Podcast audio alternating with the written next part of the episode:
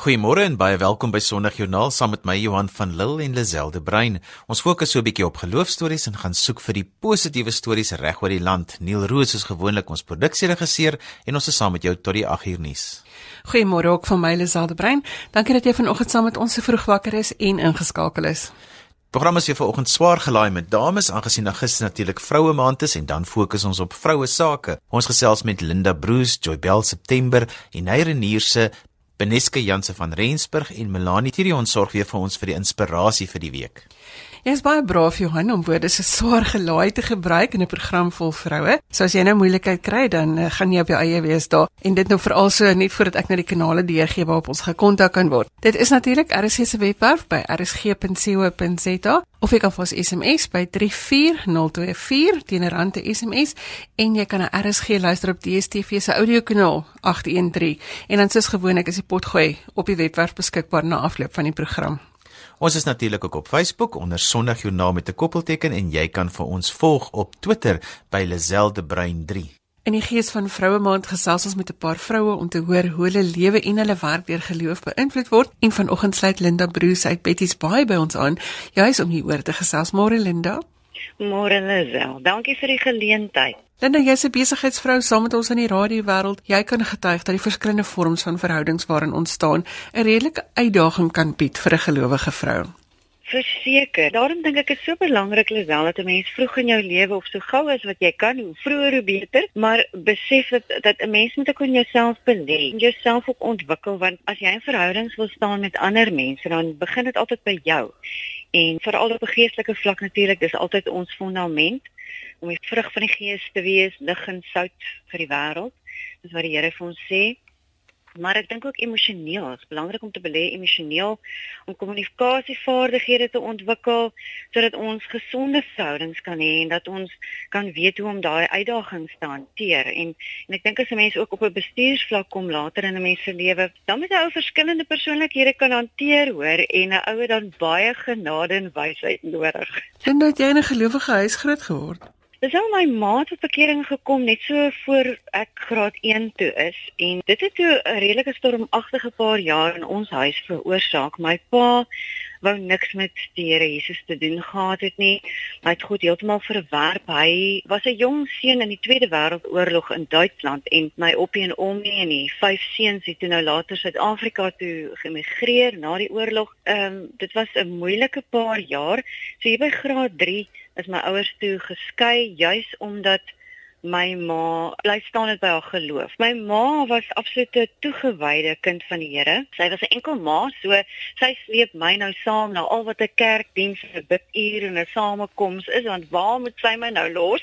En uh dit is dit wonderlik hoe die Here dit gebruik het want ek het toe vroeg in my lewe Jesus aanvaar as saligmaker en um, 'n lang pad met hom gestap. So is weer net vir my voorbeeld van wat daar uit donker wat God lig kan skep en wat hy hy sê in sy woord dat hy enige omstandighede sal gebruik om ten goeie saam te werk vir ons as sy kinders en dit is definitief deel van my getuienis. Ek wil nou juist vir jou vra waar het die draai gekom dat jy begin bewus word het van die geloofspad van genesing en groei want jy moes jou verhouding met jou pa herstel en 'n hele paar ander dinge.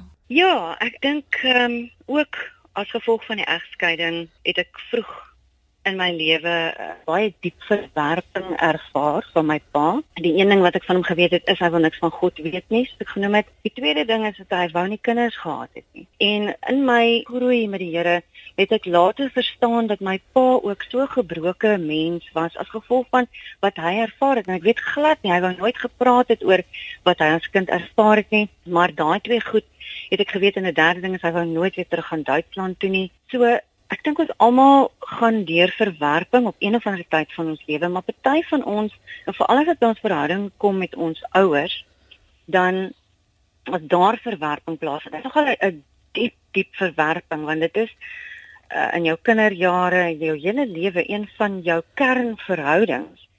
So ek moes op 'n jong ouderdom reeds leer om te vergewe om grense te stel. Want nou begin ek te soek na aanvaarding op ander plekke by mense op verkeerde maniere en jy maak foute en verhoudings val uitmekaar uit want jy jy probeer vastigheid kry in jou lewe.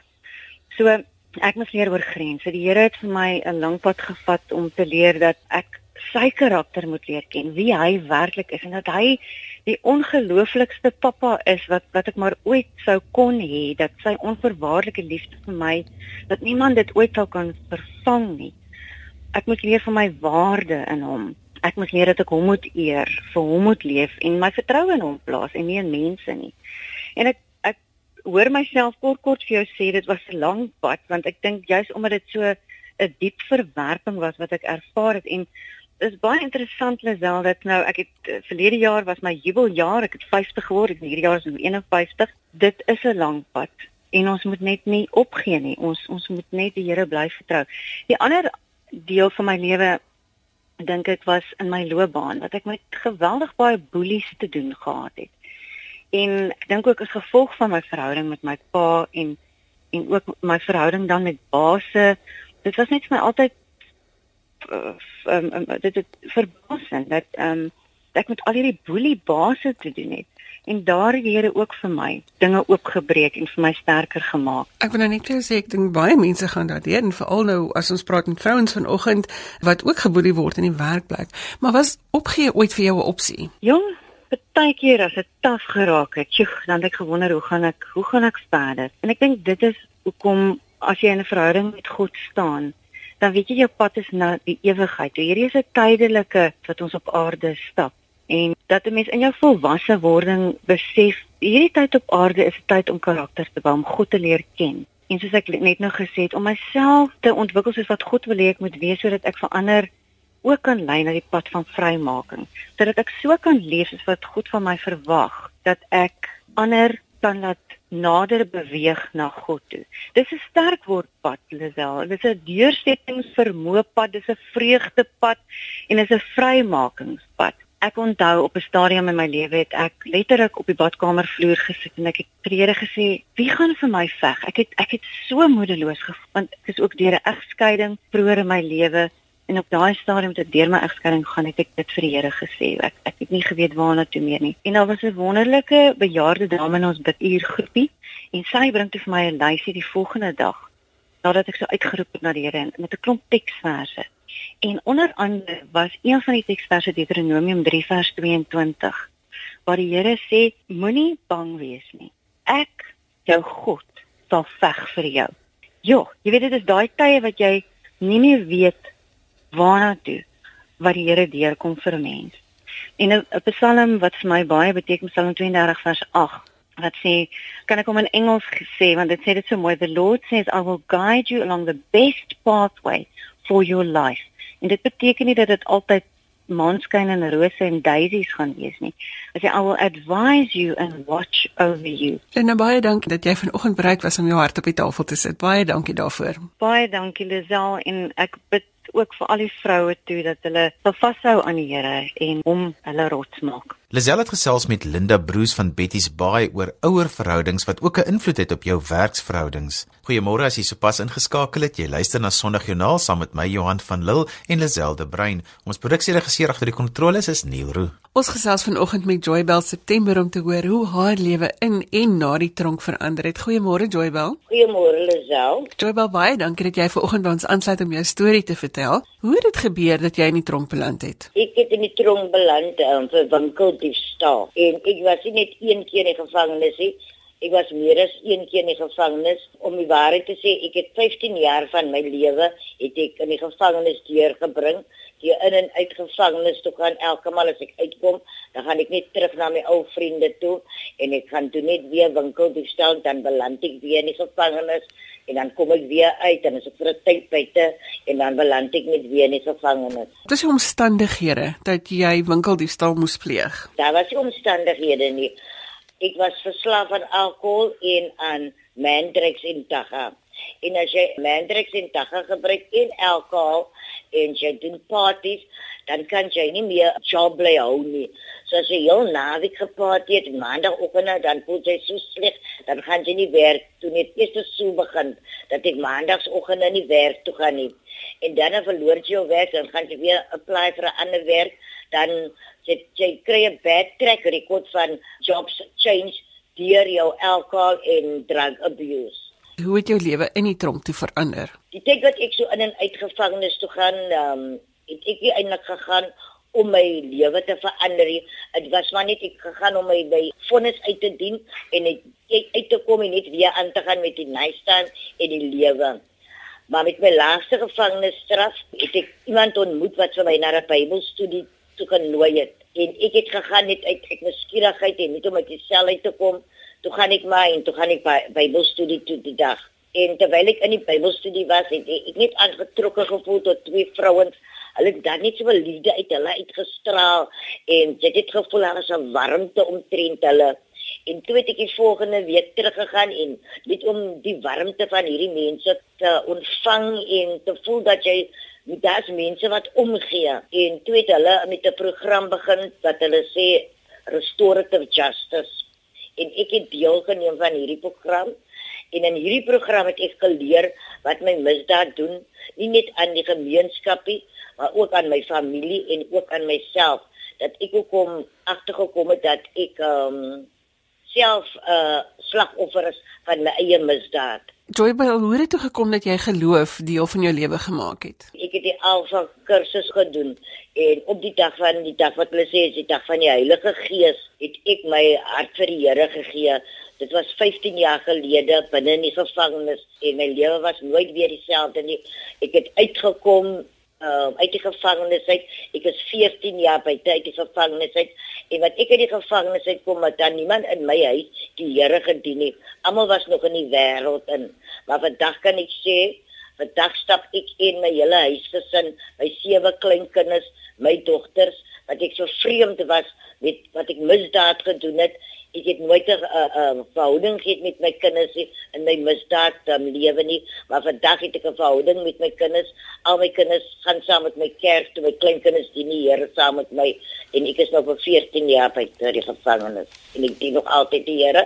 En ek werk tans by Hope Prison Ministry wat gestasioneer is hier op Polsmo en ek gaan nou terug in die gevangenis. Ek werk met jeugdiges boys jongetjies seuns onder die ouderdom van 25 en ek kan 'n ma figuur vir hulle wees en ek voel net ek moet in hulle lewe 'n impak maak voordat hulle volwasse misdadigers word wat mens kan vir hulle keer terwyl hulle nou nog kinders is in die gevangenis. Joybel in die lig van vroue maand wat ons hierdie maand vier, jy doen 'n groot werk nou dat jou lewe verander het. Wat sou jou boodskap wees vir ouers, vir ma's, vir gesinne?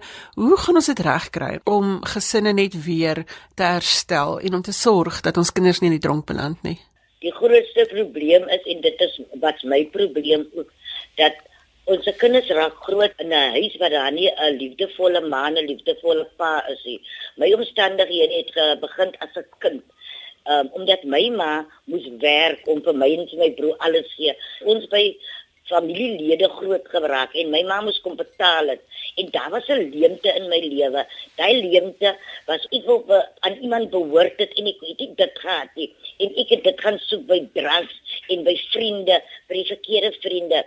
En van ouers wat werk wat die aandag skep aan hulle kinders nie. Die kinders gaan uit die gangster op buite die drug lord because daar's nie 'n role model pa in die huisie. Meeste van die Osmans het boyfriends. Die boyfriends abuse die kinders in die huis. So die kinders hardloop uit meeste van ons vroue in die gevangenis was seksueel abuse as kinders in hulle ouer huise meeste van ons uh, uh, mans in die gevangenisse kom uit 'n huis uit wat daar nie 'n uh, rolmodel pa, vader is nie.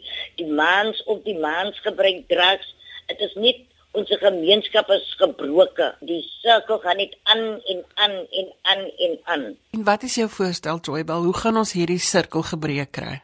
Ons soos dames soos ek ons moet teruggaan in die gemeenskap en ons moet ons mense gaan opvoed. Ons moet hulle gaan leer wat wat die ouer huis beteken vir ons se kinders dat die mense moet kom besef dat 'n kind in sy ouer huis moet gemould word. Hy moet daar genurture word sodat hy kan met confidence die wêreld ingaan en ons nie meer vroue wat uit 'n agtergrond uitkom van abuse, van gevangenes wat kan teruggaan in die gemeenskap en gaan praat met met met groot mense en met ouers. Joe baie dankie dat jy vanoggend jou storie met ons gedeel het. Uh, baie dankie Lisel en totsiens en 'n lekker dag verder. Lisel het gesels met Joybel September oor haar storie van 'n gebroke gesin, haar pad met misdaad en haar pad met geloof. Jy is ingeskakel by Sondagjoernaal hier op RSG 100 tot 104 FM saam met Johan en Lisel en ons gesels vanoggend met gelowige vroue oor hulle leefwêreld. As daar nou iemand is wat weet hoe om sonder stysel deur die lewe te gaan, dan is dit Inay Reinierse en vir haar gesin is sy Inay Botma. In haar toetskombuis word daar heerlike geregte opgetower, maar ons praat nie vanoggend oor kos nie. Ons praat oor geloof. Môre Inay. Hallo Lisel. Inay, ek wil graag vanoggend gesels oor jou rol as ma en jou verhouding met jou kinders en hoe jy geloof hierin vervleg het. Vertel ons hoe lyk jou gesin? O, ek het 'n baie interessante gesin, Lisel. Ons is verskriklik uiteenlopend en dit is wat dit nou so lekker maak en uitdagend maak.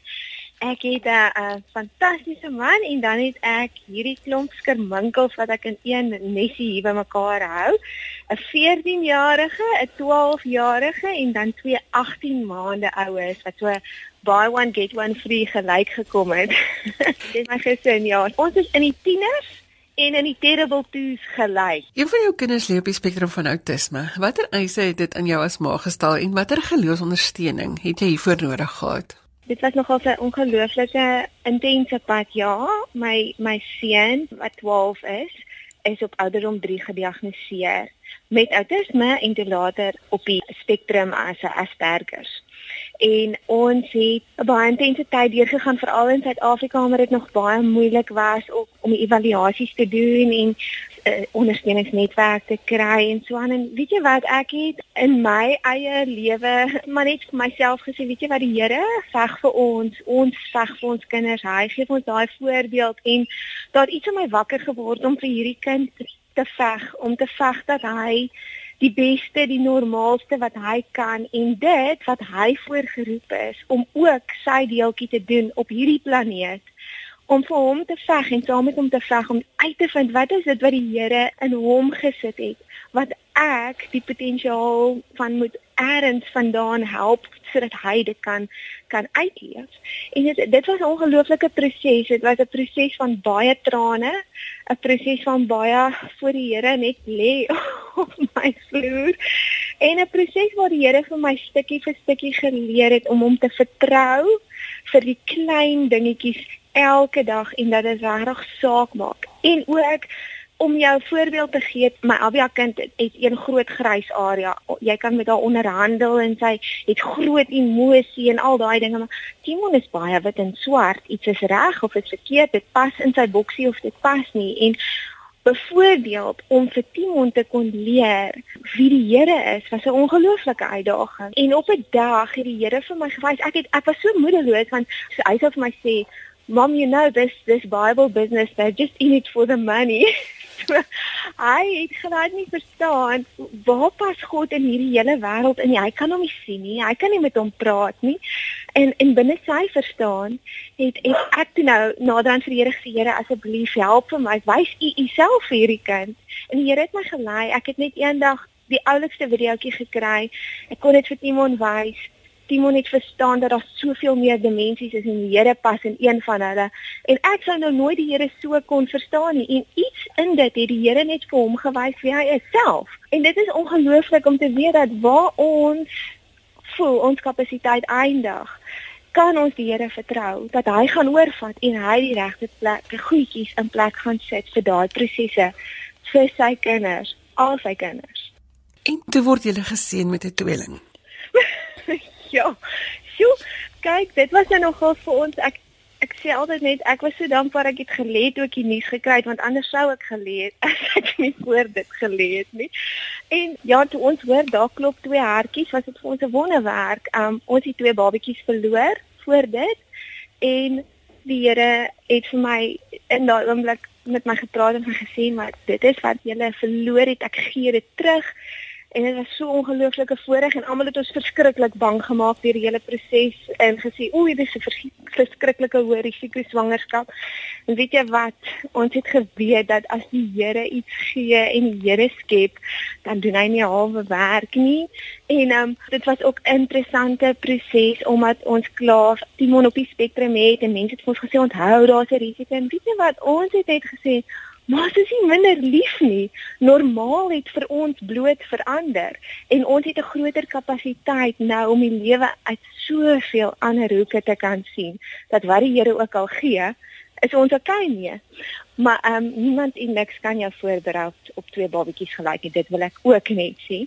Maar my swangerskap was geseënd. Alles was fantasties. Die babatjies was eintlik groot met geboorte en spekvet en gesond. En ja, 'n nuwe dinamika is op daai oomblik losgelaat in ons huishouding. En 'n nuwe belewenis met die Here saam met dit, want ons tyd is baie minder as gesin.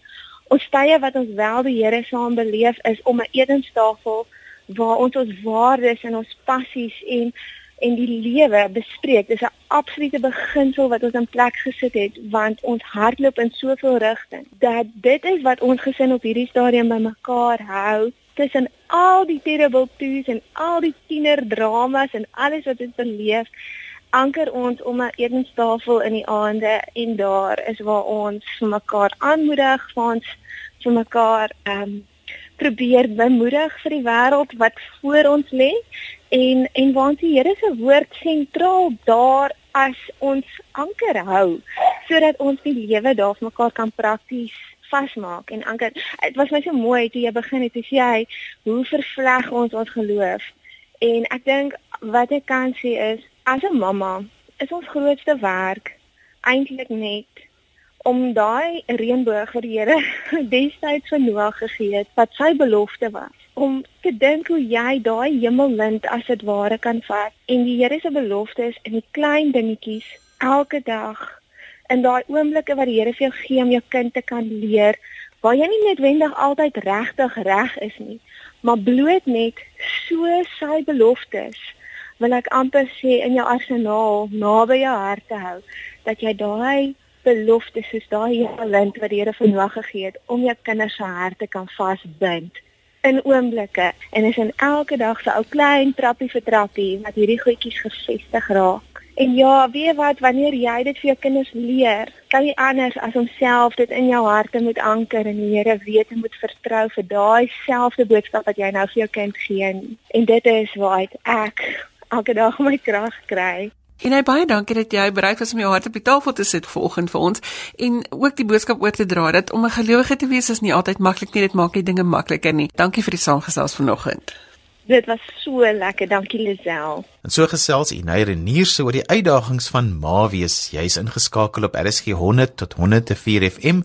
Die webwerf is rsg.co.za en die SMS-lyn is 34024 natuurlik teen R1 per SMS en ons hoor graag van jou. Beneske Jansen van Rensburg is ambassadeur vir geloof en sy sê sy is presies waar God haar wil hê. Ek het groot bewondering vir daardie stelling Beneske. Goeiemôre. Goeiemôre, is baie lekker om weer te wees Lisel. Ek wonder sy elke nou en dan is ek wat God my wil hê. In 'n tyd waar ons nog steeds moet praat oor kwessies oor soort genderongelykheid en mishandelde vroue en kinders. Hoe lyk die geloofspad wat jy stap? Ek het eintlik nog ons lag kry as jy noem van ek is presies waar God my wil hê. Ek dink mense wonder baie keer of jy is waar God jou wil hê omdat 'n mens reg streef daarna om in sy wil te leef. En opskrif waarna jy verwys was van 'n artikel wat geskryf is in 'n tyd wat ek nie noodwendig gevoel het asof ek presies is waar God my wil hê nie. En ek moet jy sê, ek is nou so 11 jaar, 12 jaar in die in die media bedryf en en 'n mens bereik 'n punt waar jy jouself nogal daai vraag afvra, jy weet, is ek waar God my wil hê? Is daar nie miskien iets anders, 'n ander rigting? Moet ek nie miskien my eie ding doen nie, jy weet, daai soort van ding. En ek onthou daar was 'n spesifieke dag waar ek nogal voor God gaan sit het en ek het nou al my planne en my potensiële rigtings waarna ek kan beweeg neergeskryf. En ek het vir God gesê nou nou hier is alles. Ek wil nou graag hê u moet vir my help om te sê in watter rigting moet ek nou gaan. En ek het aangeneem hy gaan miskien ook vir my duidelike rigting aanwys uit die opsies wat ek dan nou moes vir hom gee. En ek weet jy sê ek het vir lank tyd nogal stil gesit en nou die een ding wat in my gees geval het, wat ek weet dat ek weet dit is van God af, was net die die beeld van ehm um, jy weet die struktuur wat God vir ons almal wil hê. Eerstens, hy wil heel bo wees. As jy nou dink aan 'n driehoeke piramide, God wil heel eerste wees. Hy wil nommer 1 in ons lewens wees. Tweedens is ons huweliksmaat as jy getroud is. Derdens jou kinders en dan kom jou werk. En baie keer is 'n mens een van daai dinge nie in die regte orde het nie, ervaar mense 'n 'n plek van wanorde in jou lewe eintlik. Daai spesifieke beeld het my laat dink aan Moeder Teresa se woorde wat sê, "If you want to change the world, go back home and love your family." En as vrouens beleef mense baie keer nogal dat jy daai orde baie vinnig onwetend laat 'n wanorde raak in jou lewe, maar die oomblik as die orde weer regkom, dan bevind jouself eintlik op 'n plek waar jy kan sê maar ek ek voel ek is nou waar God my wil hê. Jy praat van orde. Hoe kry jy dit reg om man en kinders gebalanseerd te hou met werk en in openbare oog wees? Ek dink dis die belangrikste ding daai wat ek nou net gesê het, go back home and love your family. As 'n mens jou prioriteite reg het, dink ek word dit baie makliker om om miskien jy weet ander dinge aan te pak want want dit word vir jou 'n ekstra word vir jou 'n bonus want dit is baie moeilik luister hierso daar is verskriklik min vrouens wat die luukse het om om jou kinders alleen by die huis groot te maak om 'n tuisbly ma te wees om nie te werk nie. Maar ek dink wat ons wel oor 'n besluit kan neem is hoe hanteer jy of hoe bestuur jy die tyd wat jy wel by jou kinders is, by jou man is? En ek dink as mens doelbewus besluit, ek gaan hulle my my eerste prioriteit maak. Ek het 'n man wat wat my ondersteun. Ehm um, so vir my is vir my belangrik en vir my baie makliker miskien ook as as vir ander mense. 'n Man wat vir my lief is. So ek ek weet dit. Ek dink as jy dalk jouself in 'n situasie bevind waar jy dit nie het nie, jy moet alleen probeer om al die balle in die lug te hou, dan dan raak dit dalk 'n groter uitdaging. Ehm um, maar nog steeds dink ek mense moet altyd vir jouself vra. Ehm um, is ek op 'n punt waar ek kan sê soek allereers die koninkryk van God en alles sal bygevoeg word. As jy die koninkryk eers soek, gaan jy kyk na die orde en ek wil weer terugkom daarna gaan jy kyk na die orde in jou lewe en dan gaan dit vir jou dalk makliker word om die balletjies in die lug te hou want dit is moeilik. Kyk, ek wil net sê, ek weet daar's baie mense wat luister, baie vrouens wat in 'n situasie sit waar jy's ma, jy's vrou, jy werk. Al goed, dit is nie maklik noodwendig nie, maar dit kan makliker wees as jy God jou vernoot maak dit is die belangrike ding wat ek nou wil onderstreep. Hmm. Baie mense sê as jy geloof het is alles reg, maar hmm. dit is nie eintlik so nie. Ons is nog steeds almal besig en dit ja, in jou verhoudings vlot nie altyd nie of die kinders val en kry seer of het ook hulle tantrums as ons dit tantrums kan noem. Ja. So met ander woorde dit beteken nie alles is perfek. Ja, nee, verseker nie. Jy weet ek dink dit is wat ons moet onthou is dat ons lewe in 'n in 'n gebroke gefalle wêreld, maar ons aanbid 'n God wat perfek is, 'n God wat liefde het. Ehm um, en hy het oneindige baie genade en daar's 'n skrifgedeelte wat hy sê wanneer ons swak is, is hy sterk. En as ons ons swakheid kan erken en by sy voete gaan sit, dan is hy daar en hy gee vir ons daai wysheid wat ons nodig het. Hy gee vir ons daai daai deurbrake wat ons gedink het onmoontlik is. Ehm um, daai skielike deurbrake wat wat kom wanneer jy die minste verwag het. En maar jy het ook die belangrike ding gesê, ons hoor ook nie onmiddellik dadelik God se stem nie. Dit vat tyd. Ja, en dit gaan gaan ook baie keer met tyd met met ander woorde tyd wat jy spesifiek afsonder vir hom. Ek het noudag met iemand gesels en sy sê toe vir my, "Jo, sy het so baie dinge wat sy moet doen. Sy sy kry nie nou tyd om net stil te word en en by God te gaan hoor nie." En dan dink ek ek wens ek kan net vir haar sê, "Luister, dis eintlik wat gaan jou gaan help om jou jou tyd baie beter te bestuur." 'n baie vinniger, baie meer gedoen te kry, want hy gaan jou bonatuurlik lei en ek dink dis iets wat ons baie keer nalat. Um, ons ons hardloop na God wanneer die, wanneer die die pobre van uh, tref in plaas daarvan om eintlik heel eers na God te gaan en te sê help my asseblief met hierdie geweldig baie dinge wat ek moet doen in my lewe en help my om dit vlot te laat verloop. Wat wil jy met jou nalatenskap wees, Beneska? Ek het ondanks um, in ons familie het ons geweldige verlies beleef. My broer se vrou is is dood op 'n baie jong ouderdom en sy het klein kindertjies en dit het my baie laat dink aan my eie nalatenskap. En ek het besef dat jy weet in ons lewens wanneer dit kom by 'n begrafnis, niemand praat regtig oor hoe baie geld jy gemaak het of noodwendig watter werksukses jy bereik het in jou in jou loopbaan nie. Wat mense gaan onthou is hoe het hulle gevoel in jou teenwoordigheid? En ten opsigte van mense kinders is hulle gaan nie noodwendig on, onthou dat jy gewerk het nie, maar hulle gaan weet of jy langs die sportveld was en of jy by die prysuitdeling was en die herinneringe wat jy saam met hulle gebou het of jy net saam met hulle parkie toe gestap het. Wat nie noodwendig dinge is wat wat almal rondom jou sien nie, maar dit is goed wat hulle onthou want dit is herinneringe wat 'n mens vir hulle bou. En ek dink dit is my nalatenskap wat ek graag wil los is dat my my man moet weet dat ek daar was vir hom, dat ek hom ondersteun het. My kinders weet dat ek daar was vir hulle en dat ek hulle ondersteun het en al die ander dinge is 'n bonus. Dit is vir my geweldig lekker om om geloofstories te skryf en om om God se se krag te demonstreer aan aan mense om my en ehm um, vir die mense wat dit lees en mense wat luister. Maar daai goed is 'n bonus. As jy nie eh, daai mense wat eintlik veronderstel om die naaste aan jou is, 'n goeie nalatenskap gee nie, dan het jy eintlik baie min wat jy nalat. Ons staan nou hier na die einde se kant toe van Vroue Maand. Wat sê ons vir die vroue wat na ons luister wat dink nee, alles by julle lyk perfek. Wat sê ons vir hulle oor 'n geloofspad van vashou? Ek was 'n tyd gelede in 'n situasie gewees waar ek absoluut met my rug teen die muur gestaan het. Daar was nie vir my 'n 'n plan B nie. Al wat daar vir my was, is God. En ek kan nou vir elke persoon wat vandag in so 'n situasie sit, want ek weet daar's baie. Ek weet daar's baie mense met baie vrae. En jy dalk nou al klaar jou plan A, plan B, plan E, plan Z probeer en, en niks werk nie. En jy staan ook met jou rug teen die muur, of dit nou is met finansies, of dit nou is met jou huwelik, of dit nou is met ten opsigte van 'n kind of jou werk of wat ook al die uitdaging is. Een ding wat ek weet is dat God hoor gebede. God hoor elke liewe gebed wat ons bid. Ons sien nie onmiddellik die die reaksie daarvan of die antwoord nie, maar wat ek weet is dat God is ook 'n tydsbeplanner. Hy weet perfek wanneer is die regte tyd vir jou om jou deurbraak te beleef. En ek dink wanneer dit soms die donkerste voel, is dit net voordat die son gaan deurbreek. En ek wil regtig mense aanmoedig om nie op te gee nie, maar om regtig aan te hou en te weet dat God weet van jou, sy deurbraak is op pad op sy tyd en nie noodwendig joune nie. Prinske baie dankie dat jy ver oggend jou hart saam met ons hier op die tafel gesit het dat ons 'n bietjie daaroor kon gesels oor jou gesin en jou ervarings. Dankie daarvoor en um, dankie dat jy saam met ons gekuier het. Baie dankie. Beneske Janse van Rensburg het met Lisel gesels oor haar leefwêreld. Onthou dat al ons gaste se kontakinligting is gelaai op RSG se webblad en Sondagjoernaal se Facebook bladsy. Ons gee aan die einde van die program ook ons kontakdetail, so as jy 'n vraag het, hou so lank pen en papier byderhand. Ons kuiertyd is so te sê verby, maar eers is Melanie Tirion hier by ons in die ateljee om te sorg vir die week se inspirasie. Melanie, goeiemôre, welkom terug. Dankie. Met ons vorige inspirasiespasie het mense ge-epos om te sê dat jou wenke baie gehelp het. Ons het daar gesels oor stil word. Vandag soek ek wenke en inspirasie oor ons verhoudings. Hoe kan ons ons verhoudings laat vlot hierdie week wat voorlê? Sjoe, Lisel, een ding wat ek hierdie jaar al geleer het, is dat jy is net so goed soos die mense met wie jy jouself omring. Menende dat ons verhoudings vorm ons en skaaf ons en maak ons die mense wie ons is vandag. En ek dink dit is verniet hoe dat Spreuke 27 vers 17 sê vir ons dat eister slyp eister en vriende vorm mekaar. En wanneer ons oor verhoudings gesels, is dit altyd vir my belangrik om te weet dat ons Here 'n verhoudingshere is, 'n verhoudingsgod is. Dis sy karakter. Ons lees dit in die openingsverse van die woord hoe hy geskep het om in verhouding te staan met sy skepsels, met sy natuur, met sy met sy mense. Die in die hele Bybel gaan oor verhoudings. Dis hoe God die pad stap saam met mense en hoe hy net nooit opgee van die begin van van die mense bestaan af nie. Al het dit hom sy seun gekos.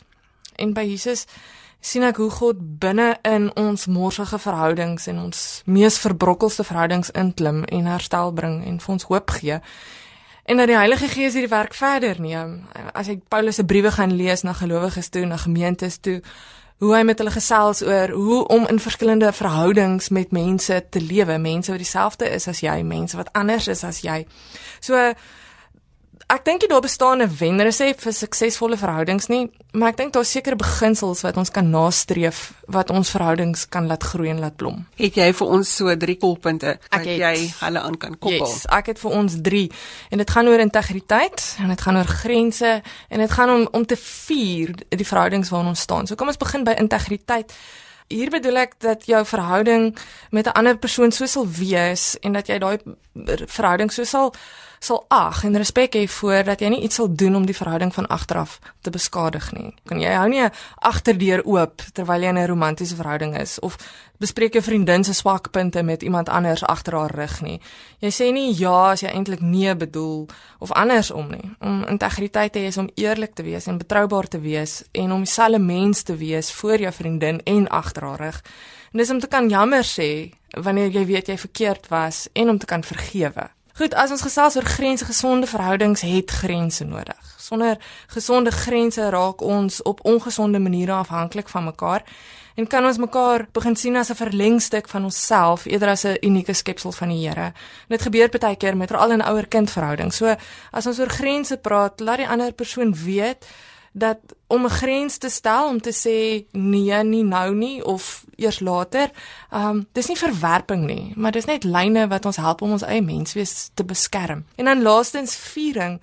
Mense, verhoudings is iets wonderliks. Dis dinamies en dis misteries en dis die primêre plek waar die Here homself aan ons wys.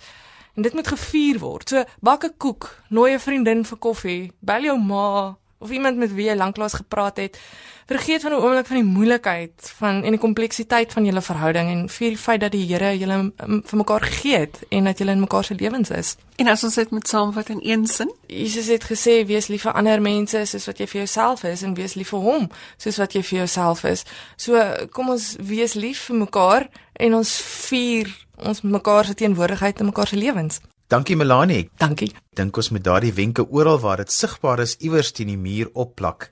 Ons is aan die einde van vanoggend se program. Ons gaste vandag was Linda Bruce, Joybel September, Ineire Nierse, Beneske Janse van Rensburg en Melanie Tirion. Later vanmiddag skuif ek weer agter die mikrofoon in vir ons in die onderwys so teen 05:30 se kant. Tot dan, van my Johan van Lille. Totsiens. Jy kan vir my e-pos met kommentaar of as jy 'n geloostorie met ons wil deel, soos gewoonlik by lazel@wwmedia.co.za. Dis lazel L E Z E L L E by wwmedia.co.za of jy kan vir ons 'n boodskap stuur deur die webwerf by rsg.co.za. Tot volgende week groet ek namens produksieregisseur Neil Roo met die musiek van Rihanna Nal en Retief Burger met Is my God.